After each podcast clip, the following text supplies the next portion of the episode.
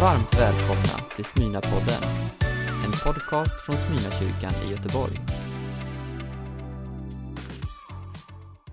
Jag tror vi ska resa oss upp i hela kyrkan, så ska vi eh, läsa ur Bibeln tillsammans. Och jag vill eh, den här första advent ta med er allesammans till psalm 24. Och där står det följande. Av David en psalm. Jorden är Herrens med allt det rymmer. Världen och alla som bor i den. Det är han som har lagt dess grund i havet och fäst den över de strömmande vatten. Vem får gå upp till Herrens berg? Vem får gå in i hans tempel? Den som har skuldlösa händer och ett rent hjärta, som inte håller sig till falska gudar och aldrig har svurit falskt. Han får välsignelse av Herren och riklig lön av Gud, sin räddare. Här är det släkte som sökt sig till Herren, som träder fram inför ditt ansikte, du Jakobs Gud. Portar, öppna er vida, höj er uråldriga dörrar. Låt ärans konung draga in. Vem är då ärans konung? Det är Herren den väldige hjälten, Herren, väldig i strid. Portar, öppna er vida, höj er, uråldriga dörrar. Låt ärans konung draga in. Vem är han, ärans konung? Det är Herren Sebaot. Han är ärans konung. Varsågoda och sitt.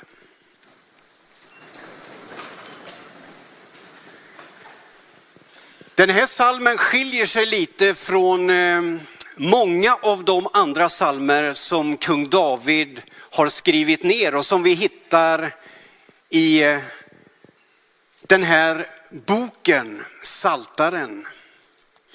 Den här salmen den präglas ju mer av proklamation och att det slås fast några sanningar. Och man kan ju undra varför just den här salmen har den framtoningen. Och i vilket sammanhang skriver kung David? Bara för att ge dig en liten kort bakgrund så är man rätt så överens om att troligtvis är den här salmen formulerad i anslutning till den berättelse som du kan läsa i första krönikeboken, det femtonde kapitlet. Där beskriver nämligen David hur han ska föra förbundsarken upp på tempelberget. Det är ett andra försök. Och det är av allra största vikt att arken med budorden får bäras upp så som det är sagt och ställas på tempelberget i tältet i det allra heligaste där det hör hemma. För det är en symbol för folket, för det israeliska folket, att Gud är närvarande. Att Gud finns mitt i folkets mitt. Därför skriver David de här raderna. Och så beskriver han tanken, känslan av det som är helt avgörande för det israeliska folket. Gud måste ta sin plats i vårt folks mitt. Så den här salmen handlar om närvaro och närhet. David han inleder med en rätt så kraftfull understrykning om vem det är som ska ha den centrala platsen i folket. Den här texten beskriver en historisk händelse, men den är också dagsaktuell och passar in i 2021. Den är dubbelbottnad, den beskriver ett historiskt skede, men den plockar också med sig information och kunskap som du och jag i allra högsta grad har nytta av. Vem är det som bör vara i centrum? Vem är det som det handlar om? David, han reser sig säkert upp, han kanske har en skrivare och så dikterar han, skriv följande. Det är Gud som har skapat himmel och jord. Det är Gud som äger allt det som har blivit till och det som jorden rymmer. Det är Gud som också äger de som bor på den yta som han har skapat. Det är nästan poetiskt uttryck, men det är i allra högsta grad sant. Ändå är det just det som du och jag allt som oftast glömmer bort. För när proportionerna hamnar fel och när perspektiven vrids så är man ute på en lurig väg. Allt som oftast drabbas jag av tanken av att det är jag som äger. Att det är jag som har tillgång till mycket av det som finns och det handlar om mig. Salmisten David lägger fra, fra, fast det mest avgörande perspektivet du och jag kan äga. Allt handlar inte om dig och mig. Det handlar om Gud. Det är Gud som äger det som har blivit till. Det är Gud som gör anspråk på ditt och mitt liv. Och med det perspektivet så hamnar du och jag i en ny situation. För Gud som är generös, varm och kärleksfull vill inte girigt roffa åt sig utan när man läser i Bibeln om det som sker i skapelseögonblicket så sätter han människan som krona på sitt verk rakt in i all skönhet som han har gjort och så säger han förvalta det. Förvalta skapelsen, förvalta livet som du får som en gåva.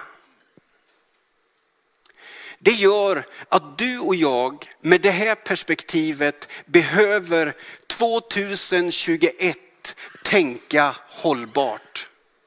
Vi behöver tänka hållbart över vårt eget liv och vårt sätt att leva. Men vi behöver också tänka hållbart i tanken hur förvaltar vi allt det vackra som Gud har skapat. Det är helt omöjligt med det här perspektivet att allt är Guds. Att du och jag skulle stänga in oss i en bubbla och strunta i hur det går med skapelsen och med livet runt omkring. Med det här perspektivet så utmanas du första advent 2021 att fundera, vad gör du av förvaltarskap? Hur tar du hand om det liv som du har fått? Den omgivning som du är en del av, vad kan du göra av detta? För Gud som har skapat allt, som är rakt igenom god, han vill finnas mitt i vår tillvaro. Med den kunskapen så beskriver sen kung David att det finns dock en begränsning. Och frågan som ställs, hur tar man sig nära den Gud som är så fantastisk och underbar? Som har lovat att ge så mycket av det som du och jag behöver för det liv som vi har fått att leva. Hur tar man sig nära honom och hur får man del av gemenskapen? Han formulerar själv i salmen vad som krävs. Den som ska öppna dörren in i Guds gemenskap ska ha skuldlösa händer, ett rent hjärta, var trogen och inte ljuga.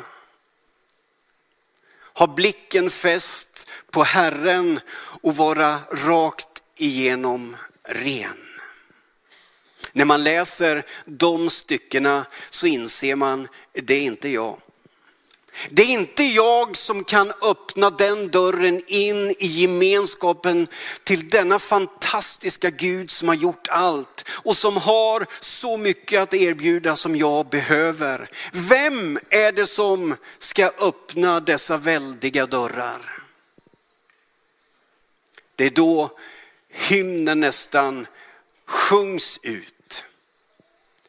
Portar väldiga, uråldriga och stora. Öppna er, för ärans konung kommer. Om det inte är du och jag som kan öppna dörrarna så måste det vara någon annan, för Gud vill ha oss i sin närhet. Det är därför han kommer, kungars kung herrars herre. Det är därför vi sjunger dessa fantastiska sånger om och om igen. För att påminna varandra om att det finns en som har fått de väldiga portarna att öppnas, gemenskapens dörr att slås upp. Och det är Jesus Kristus.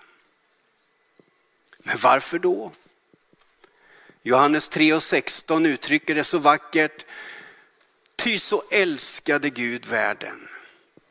Allt det han hade skapat, dig och mig inkluderad, att han gav den sin enda son. För att var och en som tror på honom inte skall gå under utan ha evigt liv. Han kom inte för att peka på våra skuldfyllda händer eller visa på sveket i våra liv och hjärtan. Han kom för att öppna en dörr och erbjuda gemenskap. För ingen av oss kunde öppna dörren in i Guds gemenskap. Därför höjer David rösten och så säger han, ärans konung är det som har kommit. Dörren är vidöppen in i en gemenskap som du är skapad för att leva i. För du behöver kraften, du behöver relationen, vägledningen och hjälpen. Du är skapad för att leva i Guds närvaro. Det finns dock en hake, för det finns en dörr till. Och det är ditt hjärtas dörr. Gud har gjort sitt. Han sände sin son för att öppna den stora porten in i gemenskapen. Men det finns en hake till. Han kan inte tvinga sig in i ditt liv. Det är bara du och jag som kan, när Gud knackar på och säger, jag har ett liv att erbjuda dig, en gemenskap att dra dig in i. Vill du öppna ditt hjärtas dörr och ta emot? Han kan inte forcera den dörren. Han kan inte tvinga någon in i gemenskap, utan han knackar, han söker, han jagar. Han försöker fånga din och min uppmärksamhet. En första advent som denna, genom text, genom sång och musik så säger han, vill du så kan jag. Vill du öppna ditt hjärta och ta emot? För i Efesierbrevet så står det, så att Kristus genom tron kan bo i era hjärtan med kärlek. Han har öppnat dörren in för dig och mig. Vill du öppna ditt hjärtas dörr för honom så att han kan få komma in och bo i ditt och mitt hjärta. Det vill hjälpa dig och mig med perspektiven. Det vill hjälpa dig och mig i förvaltarskapet och löftena som Gud har gett, de är fantastiska och stora. Allt det du och jag behöver vill han förse oss med. Och inte nog med det, han lovar ett liv, ett liv som bär in i evigheten. Det är därför vi sjunger. Det är därför vi fyller kyrkorna år efter år och uppmanar varandra att aldrig glömma perspektiven. Gud är centrum. Han har skapat allt det sköna, dig och mig för att vi ska leva i gemenskap med honom. Han har öppnat dörren. Kan du nu öppna ditt hjärtas dörr och ta emot? För det leder till liv. Jag tänker också att om Gud har gjort allt detta för dig och mig så kan vi göra någonting mer. Jag blev så tagen av Rosmaris berättelse. Som kommer och får en del av det som du och jag i den här kyrkan har fått och som vi vill dela med oss till andra. Jag tänker så här, om Gud har öppnat en dörr för mig, vem kan jag öppna en dörr för? Ju räddare en människa blir, ju mer lås sätter man i dörren.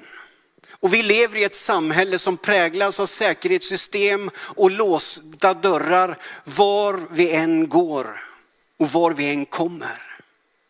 Om du skulle bestämma dig för att under de kommande veckorna så ska jag åtminstone öppna dörren för någon på något vis. Så gör du den här världen bättre.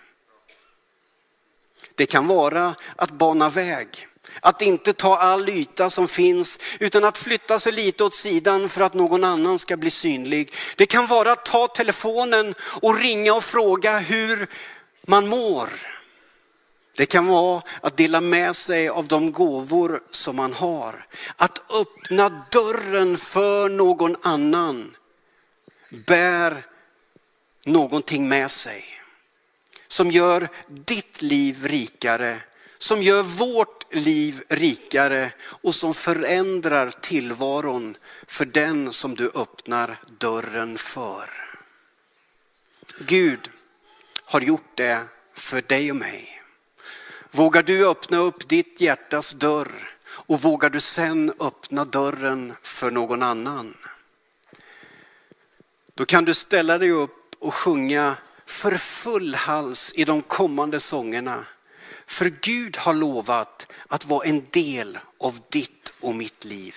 I centrum, där han hör hemma. Välkommen ärans konung. Välkommen in i mitt hjärta. Forma i mig någonting nytt som jag kan förmera och ge till andra. Hjälp mig att öppna dörren för åtminstone en. Rosmarie, välkommen in i vår gemenskap. Sture, Kurt, Håkan eller Abdul eller vad du heter. Jag hoppas att du känner att du är välkommen in, för här finns en dörr som är öppen för dig. Ska vi be tillsammans? Herre, jag tackar dig för allt det vackra som du har skapat. Jag tackar dig för alla de löften som du har gett. Jag tackar dig för att du inte gav upp när det gick fel. Utan du öppnade en dörr till. En dörr in i gemenskap där det finns nåd och försoning. Liv och kärlek i överflöd. Jag ber Herre att mitt hjärtats dörr ständigt skulle få vara öppen för dig.